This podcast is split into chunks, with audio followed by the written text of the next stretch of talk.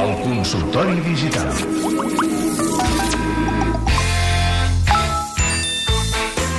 Cada dimarts al matí de Catalunya Ràdio obrim el consultori digital. Ens podeu fer arribar qualsevol dubte relacionat amb la tecnologia, les tendències i les xarxes amb quatre experts i expertes que ens acompanyen a l'estudi 1 de Catalunya Ràdio. Albert Murillo, bon dia. Molt bon dia. Geni Roca, bon dia. A Maria. Mariola Dinarès, bon dia. Molt bon dia. I a Frankfurt, connectant-se amb nosaltres, l'Albert Cuesta. Com esteu tots i totes? Molt bé. Feliços. Molt bé. Sí, sí. Feliços? Abans de començar amb les consultes dels oients, escoltem les diferents opcions que tenen per dir Estimat Albert Murillo, estimat Genís Cuesta, estimada Mariola, tinc un problema amb les tecnologies. Envia'ns un correu electrònic a matí arroba catradio.cat. Deixa el teu missatge a facebook.com barra el matí de Catalunya Ràdio o a twitter.com barra matí catradio. O fes una nota de veu al telèfon 607 07 09 23. Repetim, 607 07 09 23. I, naturalment, el nostre telèfon directe, que l'Elisabet Espuny està allà a punt, a punt, a punt d'agafar les vostres trucades 93 201 7474. Obrim línies des d'ara mateix. Hola, sóc la Júlia d'Igualada. Aquests dies he llegit que WhatsApp començarà a cobrar a les empreses que facin servir WhatsApp per tractar amb clients. Eh, jo tinc una perruqueria i les clientes han demanat hora per WhatsApp i jo les contesto també per WhatsApp i a vegades els aviso d'alguna promoció o de si tanco per vacances. Pot ser que ara els de WhatsApp eh, vegin que faig aquest tipus de missatges i em vulguin cobrar? Ah, amiga. Estimada Júlia d'Igualada, Genís, com ho veus, això? Estimada Júlia, uh, no t'agobis. Primera consigna. Estimada Júlia, no No t'agobis. t'agobis. És cert que WhatsApp ha dit que ja és hora de fer clash i de començar a guanyar calés uh, d'alguna manera o altra, que ja seria hora, i ha decidit que començarà a cobrar a les empreses a canvi d'oferir-los certes prestacions. És cert que tu ets una empresa, perquè tens una perruqueria, és cert que fa servir WhatsApp, perquè, perquè acabes d'explicar, utilitzes WhatsApp per parlar amb els teus clients, però ells, els de WhatsApp, quan diuen empresa, volen dir monstres com ara, no sé, Coca-Cola, Estrella d'Am, Vueling i aquest tipus de, Ja, de no la perruqueria de la Júlia. No, la perruqueria de la Júlia. Que, com ho fan ells per separar entre què és una persona i què és un negoci? Ah, exacte. Com ho fan? Per No ho tenen especificat, no és que jo estigui llegint ara una part del clausulat, però en el fons el que volen dir és posaràs una màquina, un robot o software a utilitzar WhatsApp per gestionar desenes de milers de clients uh, i en canvi tu no ho estàs fent així. Tu el que estàs fent és que tu escrius en el teclat del teu mòbil la resposta a la teva clienta Clar. que t'ha demanat hora. Per tant, efectes tècnics per WhatsApp, tu ets un usuari que utilitza WhatsApp, no ets una empresa que utilitza WhatsApp. Clar. És que és un exemple de que la gent ha fet servir una cosa abans que la pròpia empresa s'ho plantegés, no? Clar. És a dir, eh, tenim el WhatsApp, el faig servir pels meus clients, no? Llavors ara WhatsApp està recuperant tot això. Qui- Quins exemples poden haver-hi d'això? Què, què, què vol dir? bitllet, Què vol dir exemple, quan em... compro un bitllet d'avió, jo. compres un bitllet d'avió i la teva companyia aèria t'envia la targeta d'embarcament per WhatsApp Sí. i te diu per WhatsApp a quina porta sortirà l'avió, si sortirà mitja hora tard o a quina cinta has d'anar a buscar a la maleta, que si és que has facturat. A, a, fer que una empresa gran, eh, com ara, per exemple, jo que sé, eh, Estigui gestioni per WhatsApp tots i cadascun dels clients, això vol dir que el que tenen al darrere no són 50.000 xinos escrivint WhatsApp, sinó que el que tenen és un software, una màquina, que ho fa aquestes fent. coses. Si, si la teva empresa vol tenir màquines parlant en WhatsApp, WhatsApp et passarà el, el lector de targetes per anar-te cobrant pasta a, a, a És que de potser fer ells, generar tant de trànsit també els hi suposa coses tècniques, no dic WhatsApp, no ho sé, pregunto. Bueno, Oh, no, no. no pas Ai. més que ara, suposo jo. No. Però en tot cas, fer clash. Però, Júlia, eh, endavant amb aquest tipus d'usos de la tecnologia per fer més fàcil el servei als teus clients, però, malauradament, eh, per la teva autoestima, WhatsApp no et considera una empresa. I ara una consulta que us faig jo mateixa. Estimats, tots quatre, perquè ara ja tenim a l'Albert Cuesta connectat des de Frankfurt. Bon dia. Bon dia a tothom. Bon dia, bon dia, bon dia. Aquestes últimes Bon hores hem sabut que l'Agència Espanyola de Protecció de Dades ha sancionat Facebook amb 1,2 milions d'euros per haver fet servir dades dels usuaris amb finalitats publicitàries sense el nostre consentiment. Això tindrà algun efecte?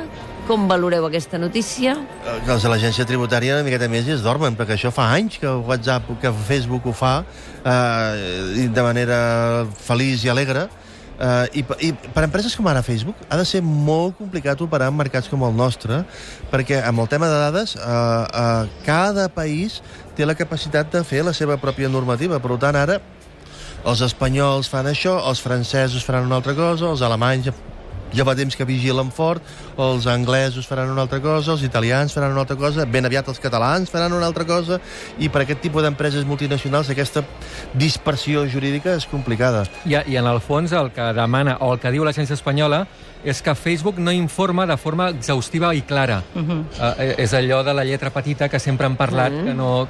Que no dir- ens ho mirem. Jo, jo abans de- abans d'entrar he parlat amb el Josep Jové, que és advocat especialitzat en noves tecnologies, i ell m'ha dit que, que això no hi ha enlloc, perquè, clar, ja a sobre hi ha un organisme europeu, és a dir, que Espanya ja pot sancionar Facebook, però és, és Europa qui, qui eh, en efectes el sancionaria, per tant no acabarà pagant res Facebook. A lo millor l'Albert Cuesta sap més coses des de Frankfurt.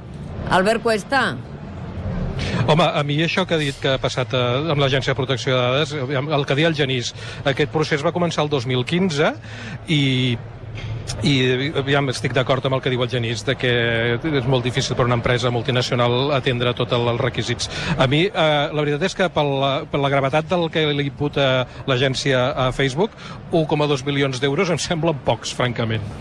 et semblen pocs? Sí, és, és, Sí. sembla més simbòlic És, sí. de dir, mira, ens és hi dir, posem. eh, us, ens hi posem, eh, us Ens hi estem posem, eh? vigilant. És que la falta greu, o molt greu, que diuen que, que han trobat investigant, és que la gent que no és usuari de Facebook, també eh, les dades eh, van cap a Facebook. Amb la qual cosa ells amb Ei. aquesta informació poden fer el que volen. Absolutament. Sí, i, i un altre que, a més a més, el reutilitzen, aquestes dades, perquè fins i tot ells es queden eh, el, el que tu has, els, hi has, els hi has donat de manera explícita o implícita, encara que tu et donguis de baixa de Facebook i els hi diguis que no vols que ho conservin. I això és altra de les, de les infraccions greus que els hi, que els imputen. De fet, han vist, perdó, que eh, hi ha dades que van agafar 17 mesos enrere que les utilitzen 17 mesos després. Sempre he tingut la sensació de que tot això és un paripé, Sí. per, és, és una posta en escena perquè nosaltres, els ciutadans, pensem que estan fent alguna cosa. Recordeu les multes a l'Ajuntament de Barcelona a Airbnb? Sí. N'ha pagat mai alguna? Mira, aquesta és una pregunta que li podríem... Jo diria que aquesta gent van rebent multes i se'ls van passant pel forro sistemàticament. Esperem que no. Anem a la tercera consulta. Hola, sóc la Sílvia. Em fa una mica de vergonya fer aquesta consulta, però és que tothom parla dels GIFs, me n'envien de sovint i m'agradaria saber-ne com trobar-ne de graciosos per poder-ne enviar jo. Algú sap com trobar-los i com els poso en un missatge? Primer de tot, estimada Sílvia, definim què és un GIF, perquè quina diferència entre un GIF i un vídeo? Estimada Sílvia, tothom fa veure que sap què és un GIF i no tothom sap què és un GIF. Un regal, no? No, sense T. No és un gift. No és un GIF, és Ah. G-I-F. Eh, Podríem dir que un GIF és una imatge animada, eh? Així, tècnics de la taula ho parlaré molt, el llenguatge col·loquial, eh? Aquelles fotos que es mouen fent com una mena de loop, no?, que es van repetint. Bé, la gràcia del GIF és que pesa menys que un vídeo. El tractament, per tant, és més semblant al d'una fotografia que no pas al d'un vídeo. Normalment les fotos tenen una extensió .jpg, aquestes imatges .gif. A nivell pràctic, eh, tenen el mateix tractament que una foto. Per tant, algunes xarxes socials ja donen per defecte un banc de GIFs, és per això que moltes vegades la gent s'envia els mateixos. Eh? És a dir, si aneu a Twitter, a sota posa GIF i aleshores podeu triar. Si voleu aplaudir, hi ha tot un banc de GIFs que tu pots enganxar en el teu missatge de, a Twitter. Um, també a Facebook també n'hi ha, hi ha l'opció de foto, de GIF, d'enquesta o localització, i per tant els podeu adjuntar. A GIFs apareixen fotos en moviment per diversos estats, eh? a favor, clap, clap, clap, mm, ball, supera això, no vull, ulls que rodolen, ex, palma a la cara, cop de punys, bona sort, adéu-siau, muac i gràcies. Eh? Per tant, tens... Tens molt per triar. Molt bé, també hi és. Anem a la tercera consulta. Hola, sóc el Jordi de Barcelona. Vull canviar de cotxe. N'hi ha algun que tingui el menú i el navegador en català? Albert Cuesta, què hi dius, això? Uh, estimat uh, Jordi, és? Estimat Jordi, de Barcelona.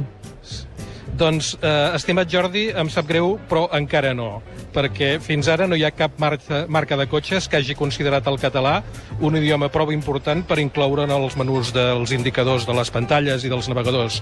I això ara comença a ser una mancança important perquè cada vegada és més freqüent que les funcions dels cotxes les controlis amb una pantalla tàctil o fins i tot amb ordres de veu. De fet, aquí a Frankfurt, SEAT està presentant una, una integració amb Alexa, que és la primera a Europa, que tu podràs parlar-li al cotxe per demanar-li coses. Mm. Podem substituir el Però, bueno, les navegador... respostes no. No, les respostes no. no. No podem substituir el navegador per alguna altra aplicació? que Això parlin sí. català? Això sí, perquè els navegadors incorporats amb els cotxes no parlen ni entenen català, però eh, eh, pots prescindir del que porta el cotxe i fer servir una aplicació pel telèfon mòbil.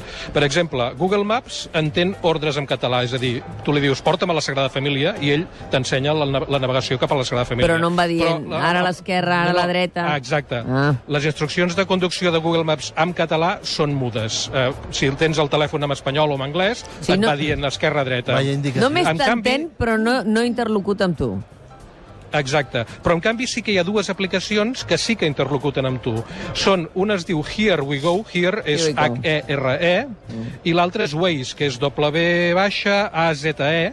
Aquestes dues sí que entenen el català i inclouen veu amb el nostre Però, idioma. Albert, tant, Gu- tant Waze- Google Maps... Digues. Waze és a Google, no? Waze és de Google, cosa que és molt curiosa. De fet, hi ha el Waze és un GPS, un navegador social que la gent, els mateixos conductors van dient quins inconvenients, quines Els incidències troben a la sí. carretera i la, i la incorporen a la- l'aplicació i Google utilitza les dades de Waze, però el- però l'aplicació en si, l'única que parla eh, català és Waze, no Google Maps. Tant Google Maps com Here We Go com Waze estan disponibles per Android i per iPhone i una cosa pel Jordi, recordeu que si feu servir una aplicació de navegador al mòbil eh, convé endollar el telèfon al port USB o a l'encenedor del cotxe perquè les aplicacions de GPS gasten moltíssima bateria. Però jo recordo que una de les teves batalles, Albert Cuesta, quan vas en aquests, eh, en aquests salons dels automòbils i així, és preguntar a les grans marques de cotxes si tenen intenció d'avançar en aquest sentit. Em sembla que eh, alguna vegada has explicat que vas abordar eh, el líder de SEAT, no? Luca De Meo, no? Sí, fa un any, al Saló de París, li vaig demanar directament al president de SEAT, el Luca de Meo, si contemplarien el català. Eh, em va dir que s'ho mirarien i em consta que des d'aleshores eh, hi han estat treballant. Vull dir que a SEAT hi ha, a dins hi ha un projecte per la traducció al català. El que passa és que no té data, eh, però Dos potser aviat hi haurà alguna sorpresa. En qualsevol cas, jo, jo, en qualse, jo en qualsevol cas crec que si una marca ha d'acabar tenint el català eh, és clarament SEAT, que es vincula absolutament la, el seu producte a la ciutat de Barcelona. 93 201 7474, totes les consultes al nostre consultori digital amb Albert Cuesta, Albert Murillo, Jani Roca i Mariola Dinarès. Què volies apuntar, Murillo? Eh, mira, dues converses que he tingut en el darrer mes, eh, persones que es volen comprar un cotxe i que per primera vegada escolto, m'espero a que els cotxes elèctrics siguin més barats. Aguantaré el cotxe que tinc per tenir-ne... Estem pues, començant ja... Sí, sí, en 10 aquest anys temps, més eh? ja ho tenim, això. Sí, Ara has entrat amb la teva croada de, de cotxe elèctric, que No. sapés que els oients ens estan trucant, Albert Cuesta, dient que els tom-toms mm, sí que parlen en català, eh, el navegador? El, els, jo parlava dels navegadors que porten incorporats Ah, als cotxes, vale, vale. no dels externs. Ah, no ah. dels, que- la, pantalla, la pantalla de Seat, la pantalla de Volkswagen, la pantalla de Renault, la pantalla de Citroën, aquests navegadors Ja van incorporats no porten I, català. I parlant de, Eh? de cotxes elèctrics, d'aquí poc s'obre la botiga de Tesla aquí a Sí? Barcelona. Sí, sí. Sí, això. Eh, amb, amb, aquest, amb aquest àmbit, deixeu-me que us digui que ahir els senyors de Volkswagen van anunciar que es pensen gastar 50.000 milions d'euros en bateries per cotxes elèctrics i que d'aquí a l'any 2025 trauran 80 models de cotxes elèctrics. Déu-n'hi-do. 50 elèctrics, 50 elèctrics purs i 30 híbrids. I l'any 2030 diuen que que tindran els 300 models dels, de les marques Volkswagen en total, que em va sorprendre que al grup Volkswagen hi hagi 300 models de cotxe, però clar, tenen moltes marques. Com a mínim, eh, aquests 300 models tindran com a mínim una versió elèctrica. I amb Vull dir que els... ara que la Mario, ara que la Mariola parlava de Tesla, eh, eh, el grup Volkswagen diu que necessitaria 4 gigafactories, 4 fàbriques de bateries com la que Tesla està construint en Panasonic als Estats Units. Això, és- això és tendència ja. eh? Volvo també ha anunciat que només fabricarà cotxes elèctrics o híbrids. Uh, Jeep pensava que també va dir el mateix. Uh, Land Rover va dir el mateix. Tothom està fent això. Grandíssima notícia. I que- vol, vol dir que I comencem a Catalunya, solucionar. serà, i, i Catalunya serà un, pot arribar a ser un punt important d'això, perquè l'empresa xinesa Thunder Power d'aquí una estona eh, confirmarà la, la, la creació d'un centre de recerca i desenvolupament de bateries i d'electrònica de cotxes a Catalunya. He vist el teu tuit, Albert, en l'anunci, eh, els eh, el Thunder Power posaven el mapa el mapa d'Europa i posaven una, una estelada dient un Sí, Sí no?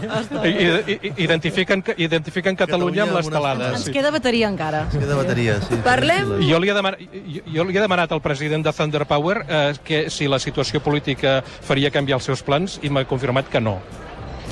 Una altra informació que ens aporten els oients. Truquen per dir que la marca Renault, en el model Clio i en el model Kangoo, tenen navegador en català. Molt bé, gràcies, moltes gràcies als oients, perquè no només ens fan consultes, sinó que ens donen respostes. Per tant, Clio i Kangoo. Clio i Kangoo. Molt bé. De la marca Renault. Molt bé, els nostres oients. I atenció... Ara me'n vaig a mirar-ho. No, tu, tu, qui, quieta aquí, que, quieta aquí, quieta aquí, quieta aquí, estimat Albert Alguna cosa Cuesta, trobarà. Que necessitem que ens facis el teu diagnòstic o la teva previsió de les novetats sobre l'iPhone 8. Però espera un moment, perquè hi ha una consulta d'en Víctor de Barcelona que jo crec que comparteix el 99,9% dels nostres oients. Víctor, de Barcelona.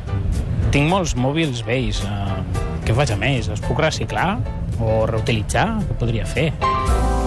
Ai, Víctor, com t'entenc. L'altre dia remenant a casa vaig començar a trobar uh, màquines antigues, una Cassiopeia. Mm.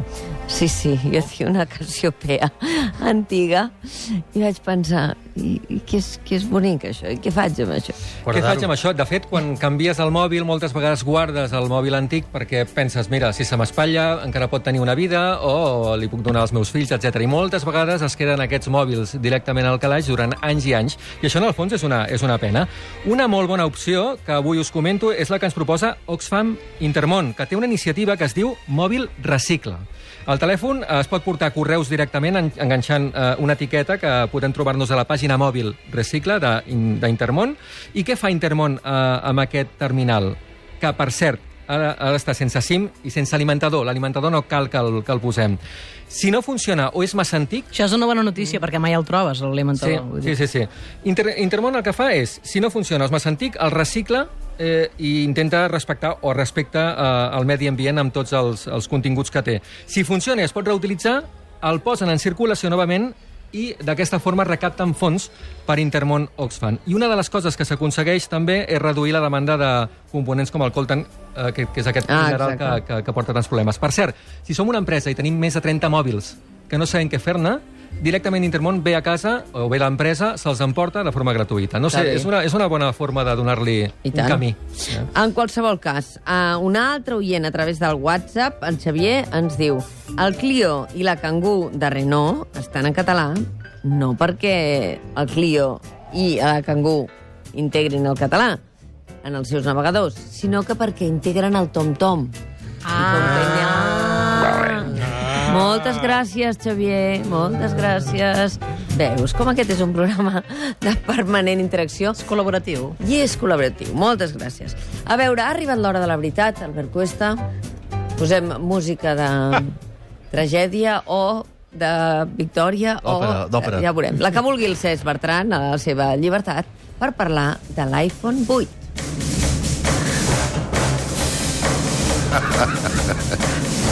A veure, el detractor d'Apple situat a Frankfurt amb, eh, diguéssim, amb la, amb la distància que li dona els quilòmetres, sí. sí, de no veure'ns la cara a tots.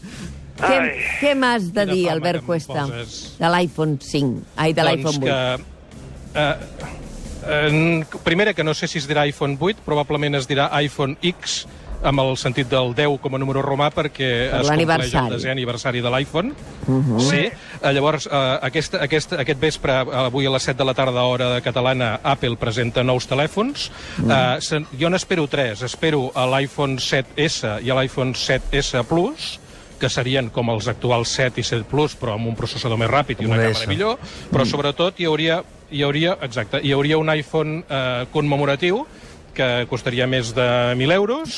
Eh, oh! 1.000 dòlars, vull dir que no vull ni pensar, no vull ni pensar en els euros que costarà, i que jo et diria que, per resumir-ho, serà un, Galaxy, un Samsung Galaxy S8 amb una poma. Per què dic això? Doncs perquè farà... Fa, ala, per, per què? Anna. Doncs perquè portarà una, pa- u- una Sembles un pantalla... polític valorant la manifestació d'ahir. Què?